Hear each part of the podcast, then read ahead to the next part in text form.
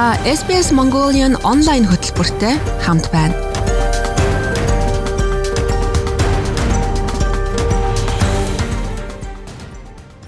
Сайн мэцгаанууд сонсогчдоо. Австрал зугаа монголчуудаа. SBS радиогийн монгол хэл дээрх хөтөлбөрийн ээлж дугаар эхэлж байна би сэтгүүлч Ундраа Мельбурн хотын төв Federation Square-д байрлах SBS радиогийн студиэс тантай мэдчилж байна. Ингээд хөтөлбөрийн эхэнд Австралийн нутгийн уугуул иргэдэд болон тэдний үе үеийн эхэс дээдсэд хүндэтгэл үзүүлцгээе.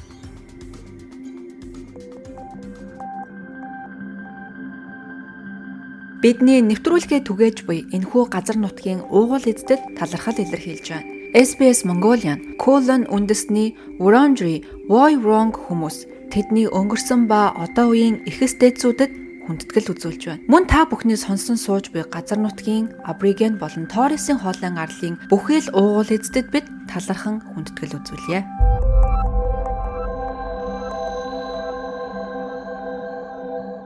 За ингээд өнөөдрийн хөтөлбөрөө эхлүүлцгээе. Тантай хамт бид бүтэн цагийн туршид хамт байна. Австрал шинээр ирж байгаа хүмүүст зориулсан Дэмдэмэндэ гэдэг цувралын эхний дугаарыг та сонсоорой.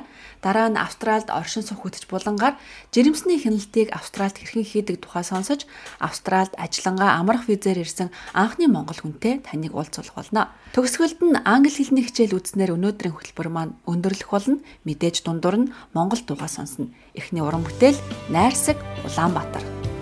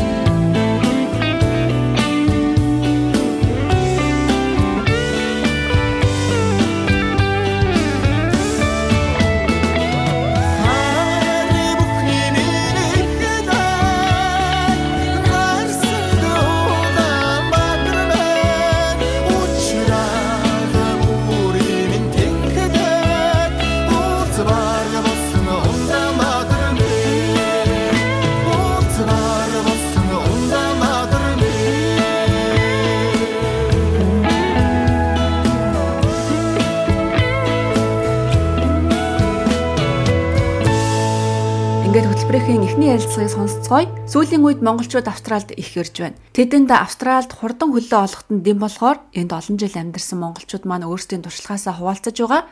Эхний дугаараараа бид Австралид юу авч ирэх, хүүхдтэйгээ ирэх гэж байгаа бол цэцэрлэг сургуулийг яаж олох, ямар үнэтэй байдаг, хэн хөнгөлөлт авч чаддаг тухайд ярилцсанаа. Ингээд ярилцлагыг хүлээ авч сонсноо. Та SPS Монгол нэвтрүүлэгтэй хамт байна. За сайн мэцхан сонсогчдраад ирээд удаагүй байгаа шинэхэн монголчуудад зориулж бид нар шин цувралыг эхлүүлж байгаа. Энэ цувралаараа бид нар Австралид суурьшихад хэрэгтэй бүх мэдээллийг хуваалцах хичээх болно. Ингээд анхны дугаартаа бид нар Мельбурн хотоос Намунзул анх хоёр нарыг ураад байгаа юм байна. Манай намын зул Австралид ирээд 7 жил амьдарсан харин анх хоёр ирээд ердөө 2 сар гаруй хүн болж байгаа. За тэгээд юуны юм анх хоёраа намуна сайн уу? Манай урилгыг хүлээж авсан баярлалаа. Сайн уу? Сайн уу? За баярлалаа. Айгу хэрэгтэй хийж байгаад нь баярлалаа. Ялангуяа дөнгөж над чиг ирээд байгаа хүмүүс өнөөдрийн мэдээлүүд манаас маш их хэрэг болно гэж бодож байна. Баярлалаа амдрагч. Аха, ирээд ер нь хэр асуудалтай тулгарч байна, хэр зөөрчөж байна. Оо за одоо яг ирээд 2 сар болж байна. За өдөр болгон л албар нэг айхалсан л ээж энэ дөнгөж сая энэ бичлэг хийхдээ өртөлт хүүхдээ дөнгөж цэцэрлэг рүү н оруулчаал э, батжгүй ирж ирээ. Одоо яриад дуусаад бас буцаал гүйж очиж хүүхдээ авахаар байгаа байж гэн. Тэгэхээр одоо юмнуудаа нэг нэгээр нь чеклэл чеклэл явж байна да. Аха. Бүх зүйлийг шинээр эхэлдэг болохоор мэдээж одоо хоёр өөр системтэй улсад ирсэн учраас мэдээлэл маш их хэрэгтэй байх гэж бодож байна. За тэгээд гурлаа тавч ярианда оръё. За ингэж асуувал ямар вэ? Яг одоо Австралид ирэх виза гардаад авчихсан байгаа хүмүүс зориулаад та яар юу гэж зөвлөх вэ? Тэдний хамгийн түрүүнд асуудаг зүйл бол Австрали руу бид нар юу бэлдэж авч явах вэ?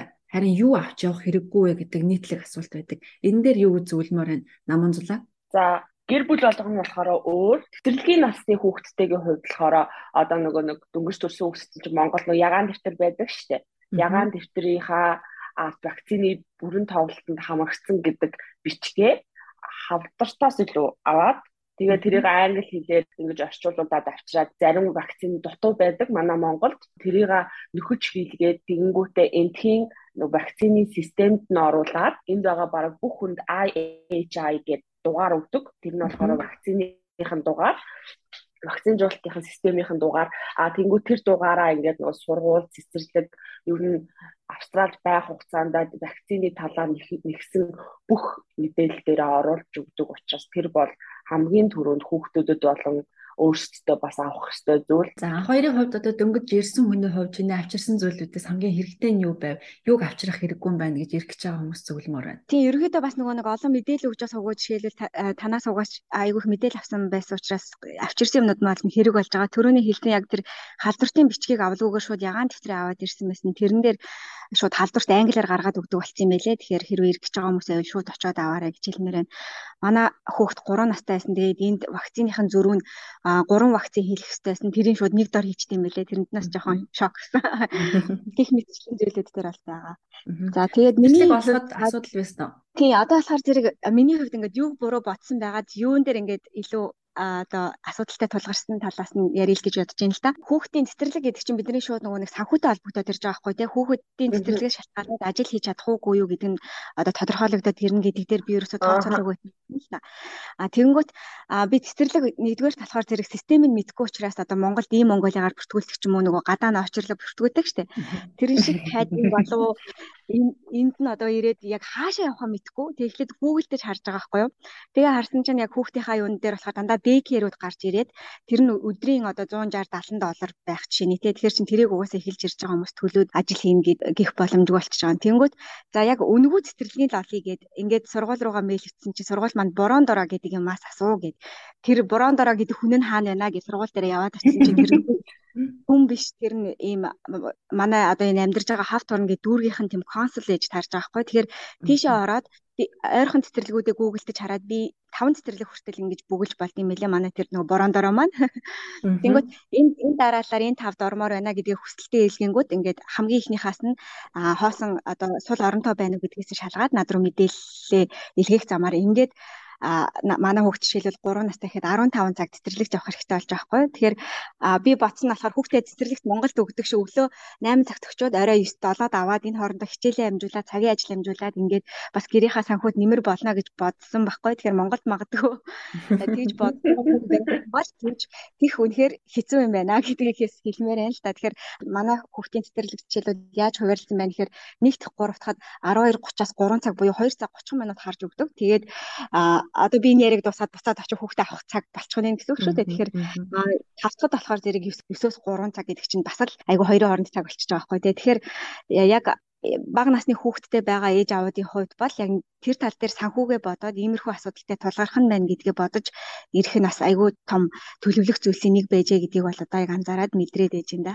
Тэгэлгүй яг энэ дээр нэг зүйлийг онцолж хэлэхэд daycare kindergarten бол ялгаатай daycare гэдэг нь төлбөртэй одоо хувийн цэцэрлэг гэж ойлгох юм уу та. А kindergarten гэдэг болохоор манайхаар одоо тайлбарлах юм бол сургуульд орохоос өмнө заавал явах ёстой цэцэрлэг гэх юм уу. Тэнд нь одоо сургуульд сурах үндсэн арга барил За ойр зургийн бичиг тоол сурдаг нэг цэцэрлэг арай жоох ялгаатай юм байл шүү. Тэр нь бол одоо эх хоноос өнгө болно. Харин day care бол өдрийн 130 40 долларын төлбөртэй байдаг. За энэ төлбөр дээр нэг зүйлийг тодруулж асууя. Австралиас бол Central Link гэж байдаг. Энэ нь одоо манай монголоор бол халамжийн үйлчилгээний төв гэж буулгаж болох юм. Энэ төнгөлөлтийг одоо монголчуудын ихэвчлэн ирж байгаа визний төрлөөс хамаарат авах боломжгүй байдаг. Энэ дээр намунцлаа ямар нэгэн туршлага байна уу? Хин ер нь тэр day care-ийн субсидийг авч чаддаг юм бэ? За тэр Central Link гэдэг юм болохоор эндхийн байнгын оршин суух үедтэй болон иргэдтэн зориулсан халамжийн үйлчилгээний одоо онлайн юу. Энд байнгын оршин суух визатай монголчууд маань бол авах боломжтой. Тэр нь бол студент визад одоо бидний байгаа визанд бол ямар ч хамааралгүй зүйл а харин тэр child care subsidy-г болохоор ганцхан сургалтын визтэй үед авах боломжтой юм нь болохоор Австралийн засгийн газрын зэтгэлгээр ирж байгаа оюутнууд маань хэдэн хөнгөлтийг нь яг бол сайн мэдэхгүй байна. Гэхдээ ер нь бол бид нар бол нэлээд сайн хөнгөлүүлээд авчдаг. А тэгээд нөгөө нэг сая kindergarten child care хоёрын ялгааг ярьсан дээр газ төлбөрийг нь ярьчих. А child care болохоор бүтэн өглөө 6-аас орой 6 ч юм уу тийм 12 цагийнх А тэгээд нэг айл дүүрэгт хамаарад 70 доллароос 185 долларын хооронд байдаг. А family day care бүр гэрээ гэртээ болохоор нөгөө day care үйлчилгээ авдаг бас зарим газар байдаг. Тэр нь болохоор цагийн 6-аас 17 доллар. А тэгээд мэдээж зарим хүмүүс боломжтой байх юм бол бас гэртээ нөгөө нэг найнтай болъё гэж боддог баг. Тэр нь болохоор бас хүнийхээ туршлагаас хамаарат 15-35 доллар цагийн Аа тэгээд Australian pairs гэж байдаг. Тэр чинь амьдраа тань туслана гэдэг үг л ганцхан найны биш одоо house work бүх юмыг чи хийж өгнө гэсэн үг. Аа гэхдээ энийг болохоор зөвхөн одоо байнгын оршин суух визтэй хүмүүс авах боломжтой гэж би ойлгосон. Гэхдээ тэр бол тэр хүнийх чинь цалин 7 хоногоос 170-аас 250 долларын хооронд байдаг юм билээ. За маш их баярлалаа. Энэ дээр нэг буруу ойлгосон зүйлтэй гэдэл хэлчихв. Ахаа тэгэлгүй. Нэг одоо энэ яг child care-ийн төлбөртэйг нь ойлгоцсон. Тэнгүүт монголчуудаас асуунгууд өнгөө цэцэрлэг гэж байд юм аа. Нэг өдөр ч юм уу хоёр өдөр хараад өгд юм аа гэж саяны ярьсныг маань яриад байгаа байхгүй. Тэнгүүт би өнгөө цэцэрлэг гэж 100% өнгөөгээ бодчихж байгаа байхгүй тий. Манай хүүхдийн цэцэрлэг хүртэл free kindergarten гэдэг нэртэй байгаа байхгүй. Яг нэрнийхээ ард хайсан чинь яг үнэндээ болохоор яг энэ цагаараа харуулад нэг термин буюу одоо нэг 10-аас 11 7 хоногийн хугацаанд харуулах төлбөр нь 1000 доллар 800 доллар гэх мэтчлэн байд юм байлээ. Тэгэхээр free kindergarten гэдэг үг бас free биш юм байлээ шүү. Энийг энэ төсрийн бас 1100-аас 1200 жилийнх үү? Үгүй тэрмээр байгаа байхгүй юу? Сая kindergarten нөгөө коронагийн үед үнгүү болсон байхгүй юу? Тэнгүүтээ одоо нөгөө нэг корона дуусаад локдаун дуусаад бүх юм ингээ эдийн засаг сэргээд ингээ ирэнгүү чи эдгээр нөгөө нэг үнгүү байсан юм удаа буцаагаад авахын тулд жоохон үн бол одоо Австралид амьдрах зардал бол нэлээд нэмэгдэж байгаа. Манай охин ч одоо 7 таг 3 жилийн өмнө манай охин 3 4 дэх настай хүүхдийн цэцэрлэгт явхад нэг терм нь 450 доллараар явдаг байсан юм. Одоо тэнгууд энэ жил терм нь 1100 гэхээр бараг 2 нуг болсон байгаа байхгүй юу? Тийм байна тийм. Ер нь бол үнгүй юм гэж байхгүй ш Австралид. Короныг үед За бүгдээрээ яриагаа сургуулийн насны хүүхдтэй ирж байгаа бол яах вэ гэдэг дээр намуунагийн туршлагыг хуваалцъя. За би болохоор манай хүүхдлээ Австралид 2 настайд ирсэн. Ингэж ингэж ингэж явж байгаад шууд сургуульд орсаа. Гэхдээ нэрэн тойрныхоо найз нөхдийн хүүхдүүдийн туршлагаас харахад дөнгүүдийг нь болохоор яг англиэр хөгүүлээд ингэж авчирсан. А тэрнээс яг нөгөө нэг багшийн тэмдэглэл ч юм уу те тиймэрхүү юмнуудыг нь бол орчуулга хийлгээгүйгээд а тэгээд дээрэс нь яг энд ирэх гэж байгаа мэд аль хэзээний мэдж байгаа хүүхдүүдээ бол манай найз нар нэг нэг хоёр жил Монгол англи хэлний сургалт мургалтын суулгаад тэгээд нөгөөд нарай дүртэй болоод ихэнхдээ шууд ирээд сургуультай орчдөг. А зарим тохиолдолд болохоор шууд авчирсан хүүхдүүдийг болохоор энд төвшингээс нь хамаарат сургууль нь болохоор англи хэлний сургалтын төв зааж өгд юм бэлээ. Тэр газарт нь очихоор яг сургуультай адилхан үйл цагийн хуваар бүх юм нь яг адилхан. А тэнгүүтээ төлбөр нь ч бараг адилхан. Сургууль болохоор primary болохоор жилийн 12628 доллар А junior secondary нь болохоор 7-оос 10 дугаар ангид 16769 ахлах анги буюу 11 12 дугаар анги нь 18819 доллар байдаг. А тэгээд энэс гадна бас аппликейшны фи Монголоос нөгөө ирж байгаа юу сургуульд орох хүсэлт тавьж байгаа тэр аппликейшных нь фи 302 доллар байдаг. А энэ төлбөрийг хэн төлөх ёстой вэ? Бид нар одоо хвчлэн магадгүй студент визтэй ирж байгаа тий тэр хүмүүс төлөх ёстой юу? Хин бас чөлөөлөв. Ер нь бол студент 500 буюу team визтэй ирж байгаа хүмүүс болохоор визагаа мэдүүлэхдээ хүүхдийнхаа төлбөрийг эхний термийнхэн төлбөрийг ядаж төлсөн байх шаардлагатай байдаг. А харин одоо мастера төгсөөд мастераас дараа энд болохоор 2 жилийн бүтэн ажиллах хэрэгтэй виз өгдөг 485 гэдэг. А 485 гэдэг виза нь болохоор аль мужид амьдарч байгаагаас хамаарат хүүхдийн сургуулийг үнэгүй болгож өгдөг. А хоёроо өөр ирэх гэж байгаа хүмүүст одоо хэлж зөвлөх зүйл юу вэ? Яагаад гэвэл бидний яриа тун удахгүй өндөрлөх гэж байна. Аа зөв зөв. Яг түрүүний хэлсэнчлэн нөгөө нэг буруу ойлголтоо засахын тулд яг нөгөө нэг нэг улсад шинээр улсад амьдарч байгаа бол тухайн улсын систем гэдэг зүйлийг ойлгох нь хайгуу чухал байгаад байдаг. Тэрнээс биш шинэ орчин дасах гэхээс илүү. Тэгэхээр саяны одоо цэцэрлэгийн систем, сургуулийн систем тиймэрхүү зүйлийг сайн судалж байгаа дээрээ гэдгийг хэлмээр байна да. Аа. За баярлалаа. Намуунагийн хөвж өгөө зөвлөх үү? Ер нь бол боломжгүй зүйл гэж бол байхгүй. Бүх юм ирээд учир нь олддог. Гэр бүлээрээ ирэх гэж байгаа бол ядаж нэг нь бүр шууд ярьдаг хэмжээний зай болоод ирсгээрээ. Цаг цаг гаргаж ярилцсан маш их баярлалаа. Баярлалаа. За баяртай. Баярлалаа охтуудаа. Австрали улсад амьдарч эхлэх гэж байна уу? Хэрэгтэй мэдээллийг SBS.com.cg-ээ юу? Уршаа зураас Mongolian хуудасаас хүлээн авах нь. Манай хөтөлбөртэй хамт байгаа танд баярлалаа. Ингээд хэсэг хугацааны завсралгын дараа эргээд уулзцаая. Та автобусаар, автомашинаар хаач явсан бидэнтэй хамт байж нэвтрүүлгүүдийг манд сонсох боломжтой. SBS радио аппликейшнийг үнгүй татаж аваад хүссэн газраа биднийг сонсоорой. Та хүссэн газраа хүссэн цагтаа биднийг сонсохын тулд манай радиогийн шууд хөтөлбөрийг сонсож подкастуудад маань subscribe даран хадгалж авах боломжтой. SBS радио аппликейшнийг та App Store болон Google Play-с татаж авах боломжтой. Эсвэл та аппликейшнаа аль хэдийн татаад авсан бол апдейт хийх хэрэгтэй байж магадгүй юм шүү. Дэлгэрэнгүй мэдээллийг та sbs.com.au/radio app-аар орж аваарай.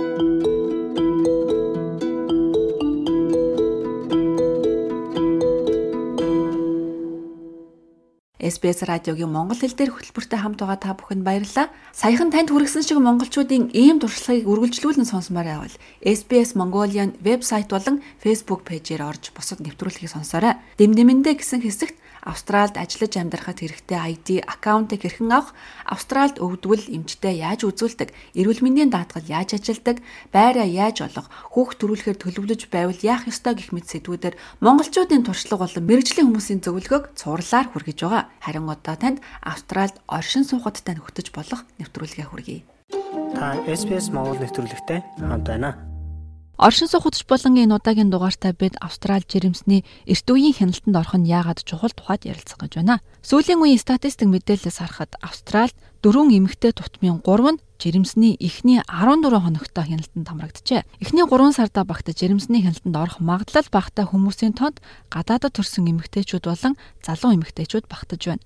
Жирэмсний эрт үеийн мэрэгжлийн эмчийн хяналтанд орох нь ээж болон урагт цаашлаад тухайн гэр бүлд чухал ач холбогдолтой байдаг тухайд эмчнэр зөвлөж байна. Тэгэхээр жирэмсний хяналтанд эрт үедээ орох нь яагаад чухал вэ? SBS Монгол нэвтрүүлэг таны гар утас болон цахим хуудасд нийлдэхтэй байна. Бид нэвтрүүлгийн эхний зочноор Мельбурн хотын Multicultural Center-ийн эмэгтэйчүүдийн эрүүл мэндийн газрын гүйцэтгэх захирал доктор Адиле Мурдолотой ярилцлаа. Тэрээр жирэмсний хяналт нь жирэмсэн эмэгтэйн хувьд болон түүний хүүхдийн эрүүл мэндийг сайжруулах аливаа эрсдлээс урьдчилан сэргийлэх зорилготой хэмээн яриагаа эхлүүллээ. Та бие давхар болсон гэдгээ мэдсэн даруйда эмчтэй уулзах цаг авах хэрэгтэй. Дараа нь тогтмол үзлэгт хамрагдах хэрэгтэй. Учир нь жирэмсний хяналт нь тухайн үед ямар нэгэн эмгэгийн шинж тэмдэг байгаасыг тухай бүрт нийлрүүлэх зорилготой байдаг. 2019 онд нийтлэгдсэн судалгаанаас харахад эмэгтэйчүүдийн 55% нь жирэмсний 17 хоногтойдоо эмнэлэгт хандаж байна хэмээн Австралийн эрүүл мэнд халамжийн хүрээлэнгээс мэдээлжээ. Энэ үзлэгт хожуу орж буй дөрвөн бүлгийн нэгэн цагаат эмэгтэйчүүд байгаа тухай доктор Мурдоло тайлбарлаж байна. We know that migrant women access antenatal care at a much Цагаач эмэгтэйчүүд жирэмсний хяналтанд бусад цагаач бус эмэгтэйчүүдэд харьцуулахад хожуу очиж байна. Мөн Австралийн засгийн газрын эмэгтэйчүүдэд 17 хоногийн дотор жирэмсний хяналтанд орохыг зөвлөж байгаа. Гэвч 27 хоног өнгөрсний дараа ч гэсэн цагаач эмэгтэйчүүдийн 20% нь жирэмсний ханалтандаа хамрагддаггүй. Эдгээр нь Австрали даяар гарсан тоонууд боловч зарим нийгэм эдийн засгийн хувьд доогуур бүс нутгуудад энэ хувь хэмжээ уламж доогуур байдаг мөн ямар ч хяналтанд ордоггүй төрдөг цагаач эмэгтэйчүүдж байдаг. Доктор Мурдула тогтмол үзлэг хийлгэснээр эрт үеийн хүндрэлийг илрүүлж урьдчилан сэргийлэх боломжтой гэж үзэж байна. Цагаач болон дөрвөгч эмэгтэйчүүдийн дунд жирэмсний чихрийн шижин мөн амьгүй төрөлтийн төвшин өндөр байдаг. Тиймээс жирэмсний хяналтын үед альва асуудлыг эрт илрүүлэх төрөх үед гарах хүндрэлийг урьдчилан сэргийлэх боломжтой. Аманда Хенри бол их барих эмэгтэйчүүдийн чиглэлээр дэд профессор цолтой Сидней дэх Сент Жорж улсын эмнэлэг болон Royal Hospital for Women эмнэлгийн их барих эмэгтэйчүүдийн эмч юм а. Тэрээр жирэмсний эхний үзлэгийг 14 дахь 7 хоногоос хойш биш харин эхний 17 хоногтой багтаан эхлүүлэхийг зөвлөж байна. Бидний жирэмслэлтийн үед хийдэг шинжилгээнүүд нь гурван үндсэн ангилалд хуваагддаг. Хит авиан онцлогоо цус, замун шээсний төрлийн шинжилгээнүүд үүнд багтдаг. Нэмээд умаа хүзүүний үзлэг, цусны даралтыг шалгах, сэтгэл зүйн эрүүл мэндийг шалгах зэрэг бусад шинжилгээнүүд багтдаг. Профессор Хенри хэлэхдээ шинжилгээний эхний уулзалтыг GP дээрээ цаг авч товлож болно гэлээ. Жирэмсэлсэн гэдгээ мэдсэн даруйд эхлээд GP-гийн эмчтэй үзүүлэх хэрэгтэй. Эхний үзлэгээр эмч чинь тухайн эмэгтэй цусны даралтыг үзэж ерөнхий эрүүл мэнд хэр байгааг шалгаж жирэмслэлт нь нөлөөлж болцсохгүй нөхцөл байдлыг анхан шатны үнэлгээ хийдэг. Тэгээд цус шээсний шинжилгээ хийлгэх эмчийн бичиг хийж өгдөг. Дараа нь танд төрийн болон хувийн хөвшлийн тусламж үйлчилгээний аль нэгийг сонгох боломж өгнө.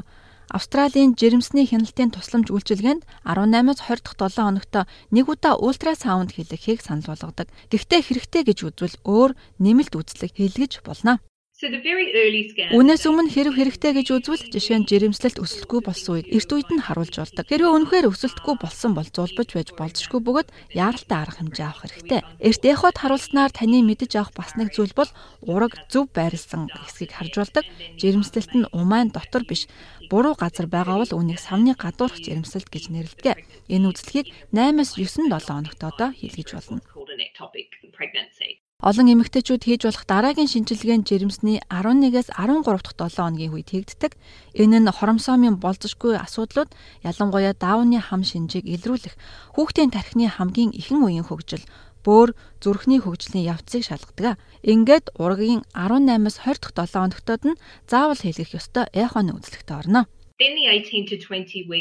18-аас 27 хоногийн үзлэг бол бие усаар хийлгэх эхо үзлэг юм а. Энэ нь ургийн биеийн бүтцийн үзлэг бөгөөд бие махбодод ямар нэгэн ноцтой асуудал байгаа эсэхийг шалгаж ихс нь хэвийн байгаа эсэхийг нягтлах үзлэг учраас хийлгэхийг зөвлөж байна. Профессор Хенригийн хэлж байгаагаар дунджаар 27 хоногтой нялх хүүхдийн бүтцийн гажиг 50-аас 65% нь илрэх боломжтой гэлээ.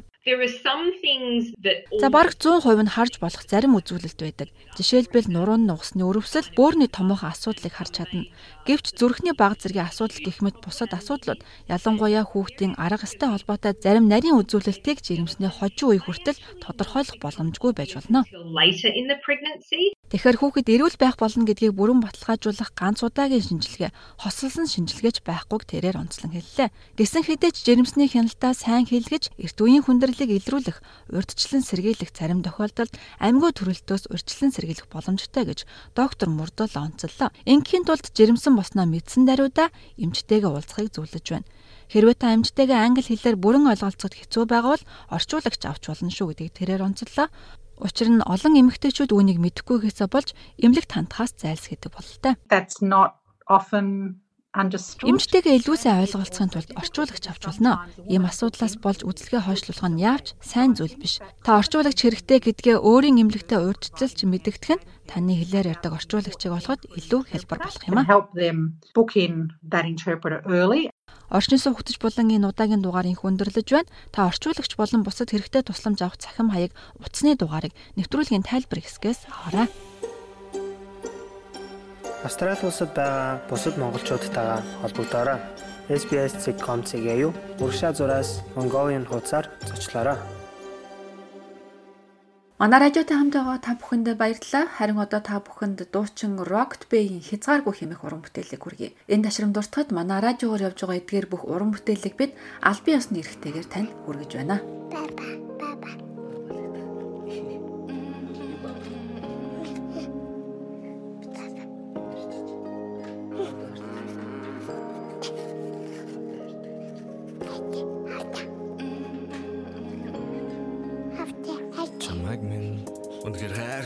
Оруулчихсан маам нь зүрхээ тайлж үгэмд оруулчихсан аав нь харахасаа ч юм тэрхээсээ ч юм бүхнээ чам дүгнгээд амлчихсан аав нь чамаг төрөн час ихэд нүднүүдээс мөр хүрхрээ.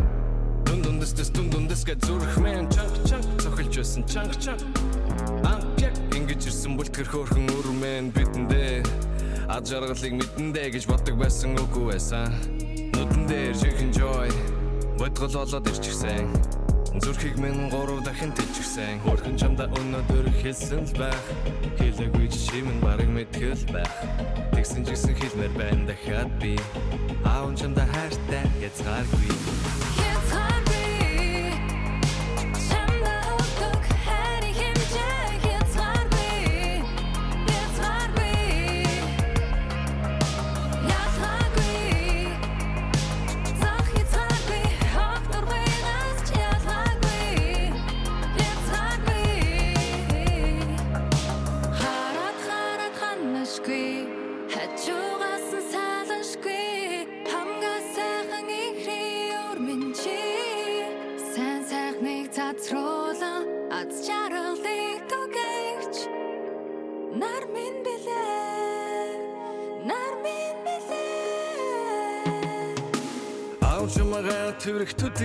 сэтгэлэн дийж цэжний хүндийд цэцэг гурган зам болтоог чиний инээд намайг нилээд ихэр чилээж байсан асуудлыг минь жижиг болгон цомхолтоо Ярэ царэн арайлтын дүү игдүүтэй. Авижинхэ төгс бүтээл.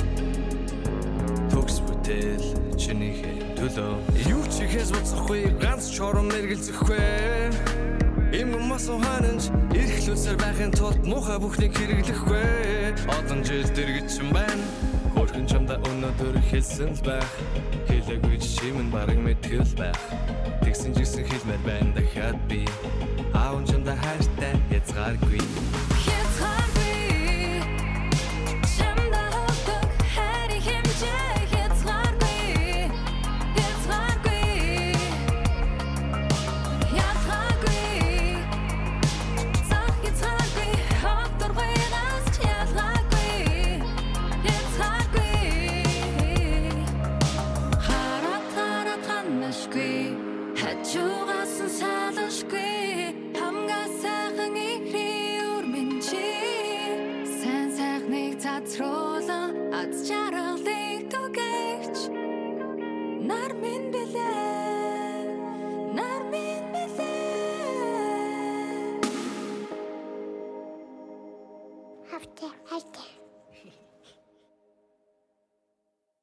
Баярлалаа. Австралид монголчуудын тоо нэмэгцээр байгаа. Энийг 2021 оны хүн амын тоолгоос харъя. Сүүлийн 5 жилийн дотор ихэд монгол хэлээр ярьдаг хүний тоо 144 хувиар өссөн байна. Өнөөдөр ч гэсэн шинээр монголчууд ирсээр байна. Тэгвэл монголчууд Австралид ирэх бас нэгэн гарц нь амрангаа ажиллах виз юм. Энэ жилээс эхлэн монголчуудын авч байгаа энэ визээр ирсэн хамгийн анхны монгол хүнтэй бид ярилцлаа. Виз мэдүүлэхээс эхлээд энд ирсэн одоо юу хийж байгаа гэх мэт бүхэл явцыг нь асуулаа. Та SPS Монгол нэвтрүүлэгтэй хамт байна. 8 дугаар сарын ихээр хоёр иргэн яг энэ визээр ирлээ. Тэдний нэг Төр бат манай өнөөдрийн зочноор ирсэн юм аа. Сайн уу Төр бата? Сайн явж ирсэн үү? Аа сайн байна уу? Сайн явж ирсэн. Сайн сууж байгаа. За Австралид хизээ ирсэн бэ? Ямар байна? Анхны сэтгэл ер нь хэр байна? Анхны сэтгэл маш өндөр байна. Аа би 8 сарын 7-нд би Монголоос гараад 8 сарын 8-нд ирсэн байгаа. Тэгээд Сиднейд 3 он жогоод тэгээд энэ Брисбен гэдэг газар руу 11-нд ирсэн байгаа. Аа одоо бол яг Queensland-д адууны аж ахуйн ферм дээр байгаа гэж сонссон. Тийм тийм яг үнэ би яг адууны ферм дээр тэгээд янз янзын юм сураал байж байна да. За хоёул энэ удаагийн визний тухайд хүмүүс асуух сонирхох зүйл их байгаас анх хоёлаа визнийхээ материалыг яаж бүрдүүлснээс эхлээд ярилцах уу? Тийм тийм. Би энэ 3 сарын сүүлээр одоо нөгөө Монголоос 100 маа үнэсэн мэдээллийг фэйсбүүкээр олж мэдээд тэгээ хаашаа хандхаа ихэж мэдэхгүй байсан. Тэгээд дараа нь олж мэдээд IDEX гэдэг агент лэхээр 7 сарын 1-ээс за нэг 5 хоногийн өмнө нөгөө олж мэдээд тэгээ бүх бичиг баримтуудаа гэс бүрдүүлээд хамгийн гол нь нөгөө IELTS-ийн 4.5 оноос дээшгээ оноотой байж яг энд хамрагдах боломжтой юм бэл хамгийн гол шалгуур нь энэ байгаа. А чамд бол оноо бэлэн байсан юм байна те? А би тийм 4 сарын 23-нд аль хэдийн шалгалтаа өгсөн байсан. А би Австралид сурахаар их төлөвлөжсэн байхгүй юу? За визний шалгуур дээр өөр ямар нэгэн онцгой шалгуур байсан нь хэлнээс гадна одоо банкны тодорхой хэмжээний хадгаламж ч гэдэг юм уу тиймэрхүү зүйлийг бас шаардж ах шиг байдаг. Энэ төрлийн визэн дээр нь яадаг юм бэ? Тэгээ энэ төлбөр болохоор дансандаа 3000 доллартай бай харуулж ээж хэлж тэгж яасан байгаа. Тэгшингүүтээ бас нэг ойр зургийн ферм дээр ажиллаж байсан ч юм уу тиймэрхүү туршлага шаардаад ах шиг байлээ. Чиний хувьд бол өмнө нь ажиллаж байсан туршлага байсан уу те? Тийм туршлага бол надад огт байгаагүй. Надад боломж нь гарч ирээд тэгээд явцсан байгаа. А тэгээс саяны ярианаас ойлгоход би визээ мэдүүлээд маш хурдан хариу нь гарцсан юм шиг байна тий. А визээ би мэдүүлээд яг 1 сар үлээсэн байгаа. 7 сарын 1-ээс ахуулаад 8 сарын 8 сарын 2-нд олж мэдсэн баха. Визээ гарсан гэдэг нь надад хариу нэрээд тэгээ шууд 7-нд 5 хоногийн дараа шууд явсан.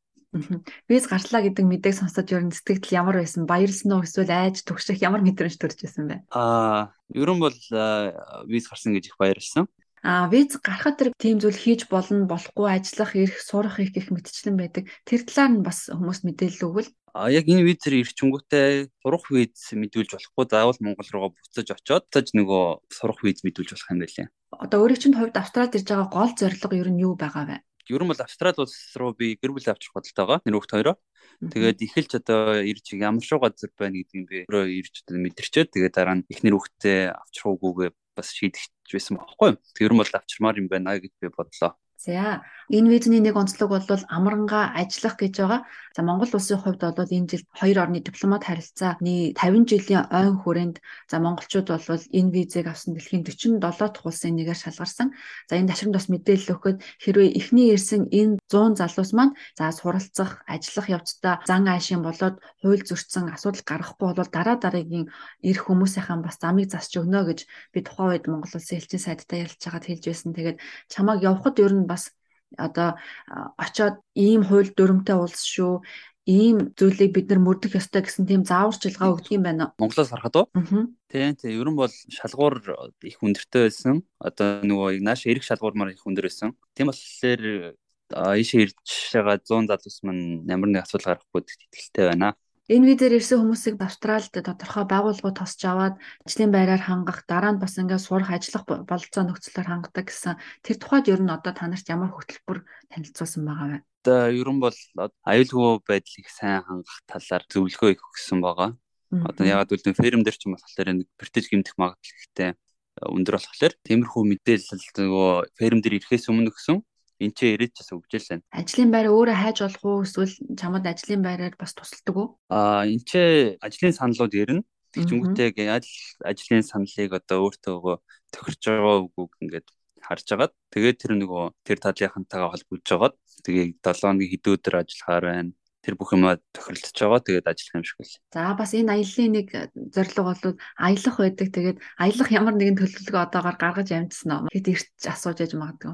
Тэгэлгүй яг би энэ Австралид ирсэн юм чин тэрлэг байгаль эсвэл ингээ гой далайн иргэнүүд зөндөө байна. Тэгээд очиж өрөмдөх бодолтой байгаа. Магадгүй бит хоёрын яриаг сонсоод хүмүүс энэ визэнд хүсэлт гаргах сонирхолтой байж болох юм тэр хүсэлт гаргахаар бэлтгэж байгаа залуус чи бас юу гэж захимаар байна. Амьдралд их маш их туршлага болж бэлдэх байхаа.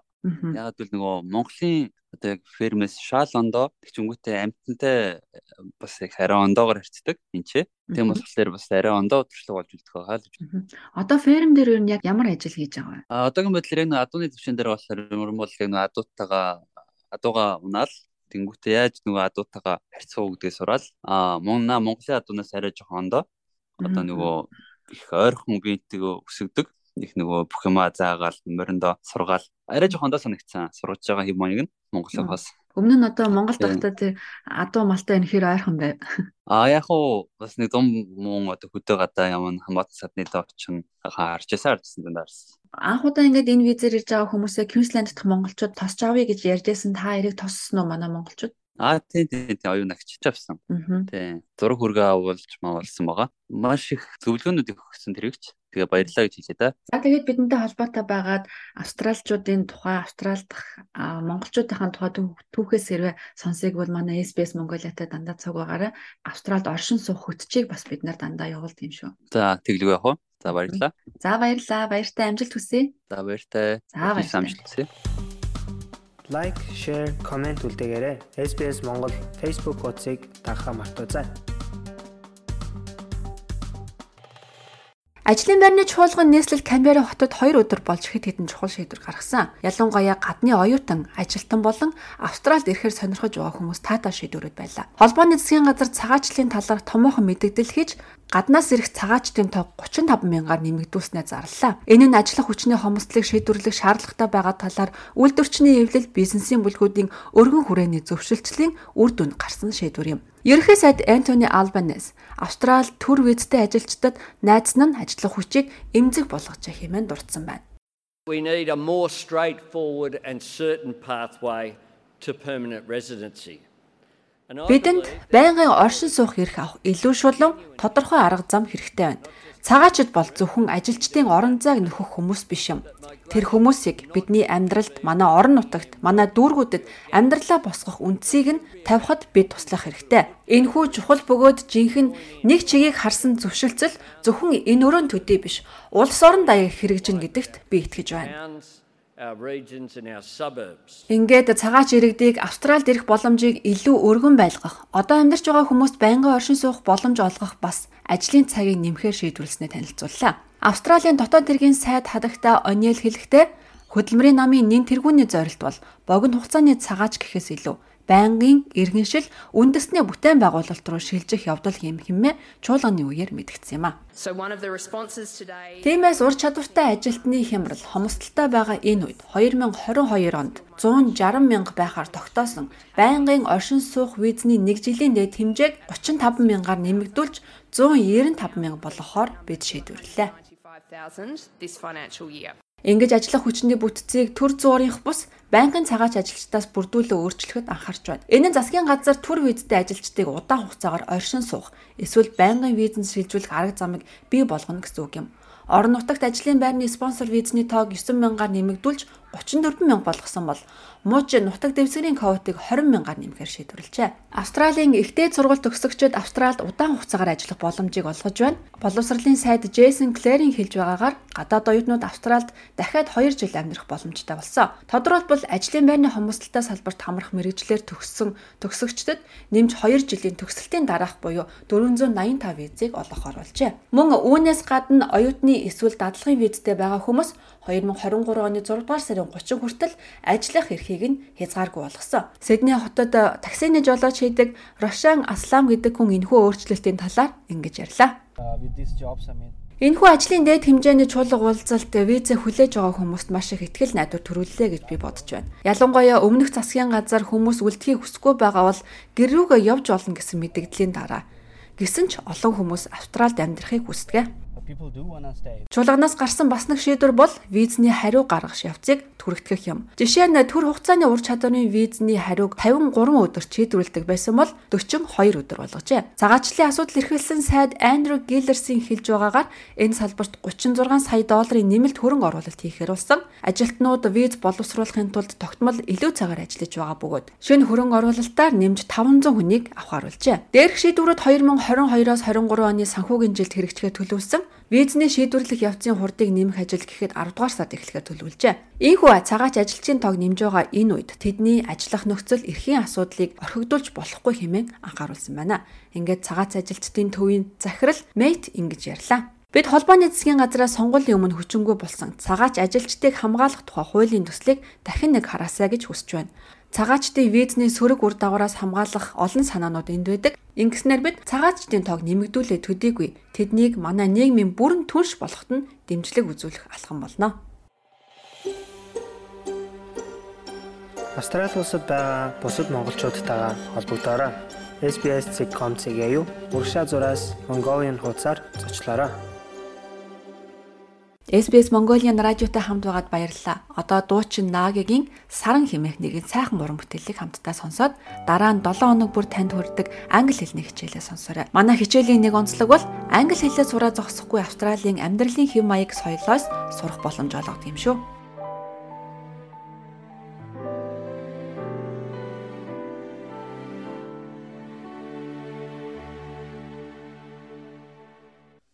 анх чамайг бүжиглж байхыг чин харсан. Аз жаргалтай байсан чиний харц. Доглох зүрхээ нуун байж хамтдаа бид бүжиглсэн дахин чамтай уулзахыг мөрөөдсөн танил дуу минь зөөлөн их шилсэн. Тэр мөч бодлыг минь эзэмцэн. Сүдэр тусаагүй дурлал намайг хөтөлсөөр дахин чамтай өчрхийг хүснэ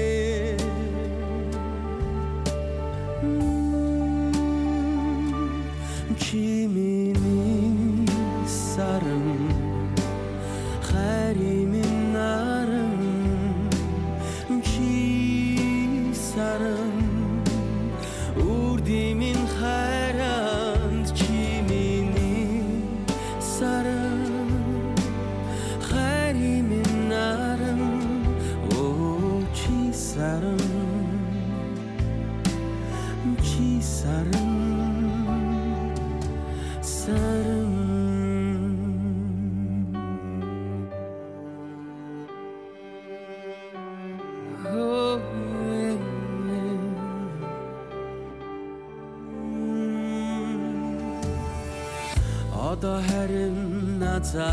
назар чамайгаан оллоо.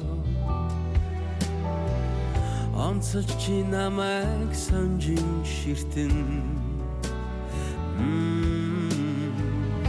Игэл биш харцаараа. Ирээдүйг хүрсэн Эргэл чамда дахин дурлсан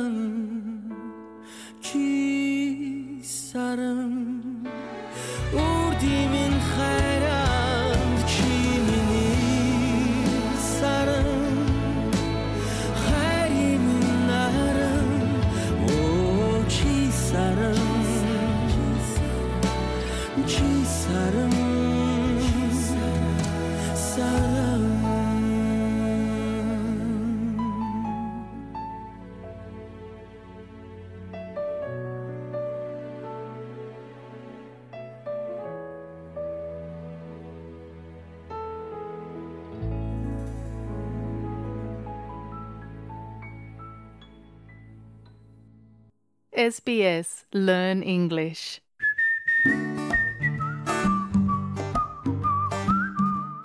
Hello. You are listening to the SBS Learn English podcast, where we help Australians to speak, understand, and connect through English. In this mini pod series, we are talking about the verbs related to our bodies. Today, we are focusing on the verbs and phrases related to eating. Eating is so common, so everyday, that we don't even think about it.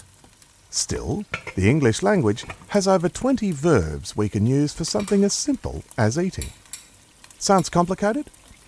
Well, it won't be if we learn by doing. Mmm, this is finished. I don't know about you, but there's probably nothing I enjoy more than a home cooked meal. Mmm, my lunch smells so good that I could devour everything. Devour means eating with great hunger very quickly. But if I devour, I wouldn't really enjoy my food. So I will eat slowly, or at least try to.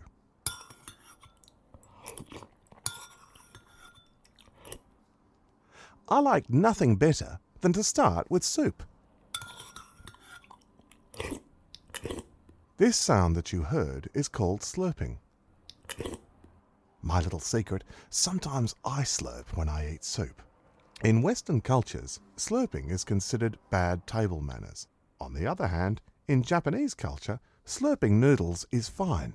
In fact, it is a 400 year old tradition. After slurping, of course, I swallow my spoonful of soup. Ah. Many would go straight from the soup to the main dish. Not me. I love to have a snack in between.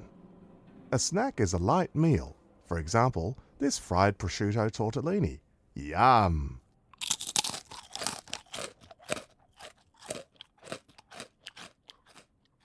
Munching is eating with this loud chewing sound. What you hear is my teeth crushing the tortellini, and this is called crunching. Two very similar rhyming verbs. Munching and crunching often go together. Remember, munching means eating. This way you'll never confuse them. You can try munching and crunching on your potato chips while I go to my main dish.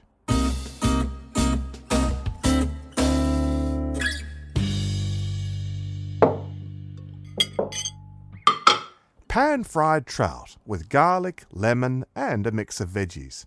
Mmm, sensational. Take your time and chew your food thoroughly. You get to really taste the full flavour, and your digestive system will be grateful.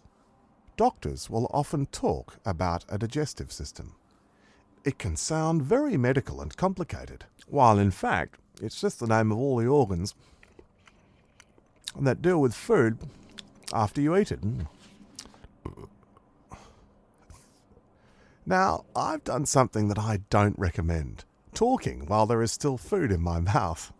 So that made me gulp because I had to swallow my food suddenly all at once. So you gulp when you swallow too fast or too much of anything in a single bite. And immediately after that, I burped. Uh. Oh, sorry. When you do this in Western cultures, it is polite to say sorry. But in other cultures, burping used to be a way of saying that you were really enjoying the food. Mm. Now I'll take a swig of wine. To take a swig means to drink some. Ah, that's better. I can still taste the wine, and my stomach is okay, and now I'm ready for dessert. Yum! Dessert is vanilla ice cream with cocoa sticks. Here's a tip to really enjoy this delicacy. Take one of the cocoa sticks, they are the long, thin biscuits that stand up in the ice cream, put it into the ice cream, and then lick it. So you use the stick like a spoon. Now that was really tasting. Did you hear me smacking my lips? Smacking your lips is something you do if you've really enjoyed eating something, and so it's like sending a kiss to whoever made it, and then nibble on the cocoa stick. To nibble means to take really small bites. For example, a mouse nibbles on cheese. You know what? I have a taste of vanilla still on my tongue, and now I have a little bit of cocoa stick to go with it. Heaven!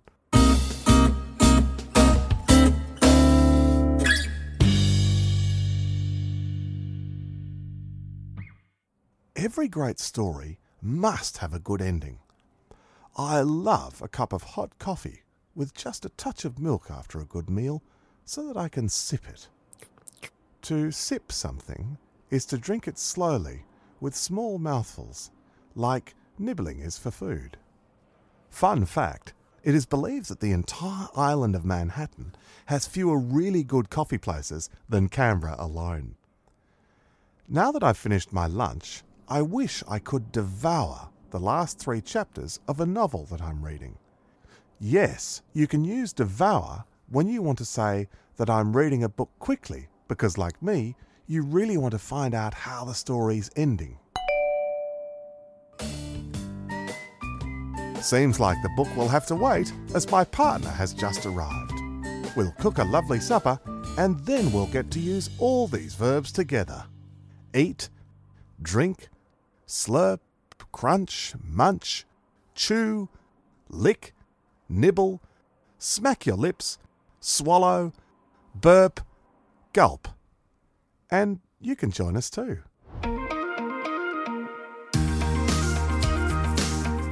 You've been listening to the SBS Learn English podcast. Visit sbs.com.au forward slash learn English for additional learning, transcripts, and quizzes. SBS Mongolian радиогийн 2 дахь удаагийн дугаар инхүү өндөрлөж байна. Бидэнтэй хамт байсан та бүхэнд маш их баярлалаа. Бид 7 хоног бүрийн пүрэв гарагт 2-оос 3 цагийн хооронд танд хүрч байх болно. Танд манай хөтөлбөр таалагдсан бол бусад монголчуудтай хэлж дуулгаарай. Ингээд энэ удаагийн хөтөлбөрөө дуучин Нарангийн нутгаа санахгүй хэмээх сайхан уран бүтээлээр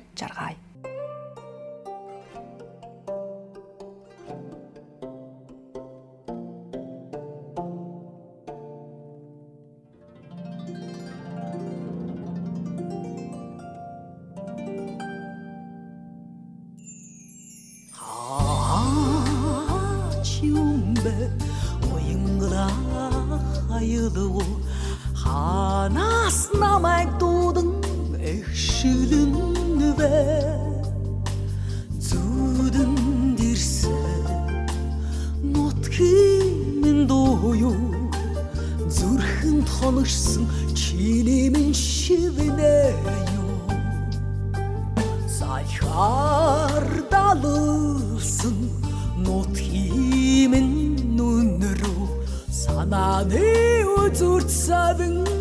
тата юуда харин газрын зүсрэх бороно хайртай нутгаан үгүйлээд байх юмаа нутаг нутгийг дамжингүй жочиби нуур далай тэнгисийг гатлан нисч хүрээ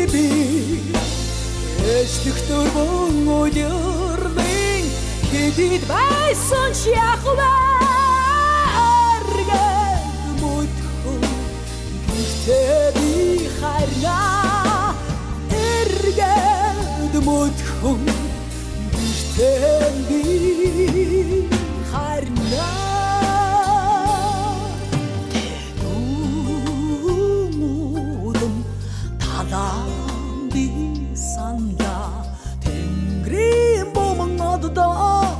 санла сэрүүн анхлуу саяа би санла сэтгэл дотн найзуудан би санла мотаг нутгийг дамжингүй жочиби нуур далай тэнгси атланэс хүрээ би. Эцэг дөрвөн үерли хийдид байсан ч яхвэ эргэд бүтхүү Хитэ би харнаа